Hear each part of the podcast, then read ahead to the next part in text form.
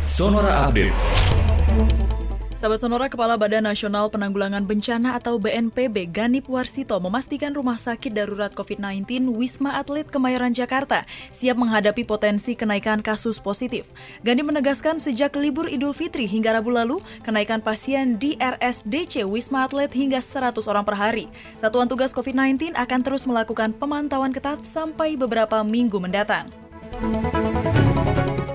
Sebanyak 75 orang pegawai Komisi Pemberantasan Korupsi atau KPK yang tidak lulus tes wawasan kebangsaan menyatakan melawan karena merasa dilecehkan. Mereka menolak dibina untuk bisa kembali mendapatkan kesempatan menjadi aparatur sipil negara. Direktur Sosialisasi dan Kampanye Anti Korupsi KPK Giri Surabdiono menyatakan pihaknya lebih memilih dipecat daripada mendapat pembinaan kembali. Hal senada juga disampaikan Kepala Satgas Penyelidik KPK Harun Al-Rashid yang juga sepakat menolak pembinaan pembinaan. Kementerian Luar Negeri mencatat warga negara Indonesia atau WNI yang positif COVID-19 di luar negeri terus bertambah 11 orang.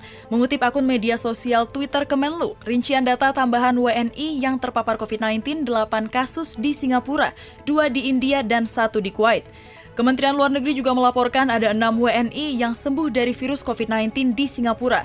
Dari data tersebut, pasien yang dinyatakan sembuh kini 3.827 orang atau 81,6 persen dari total kasus.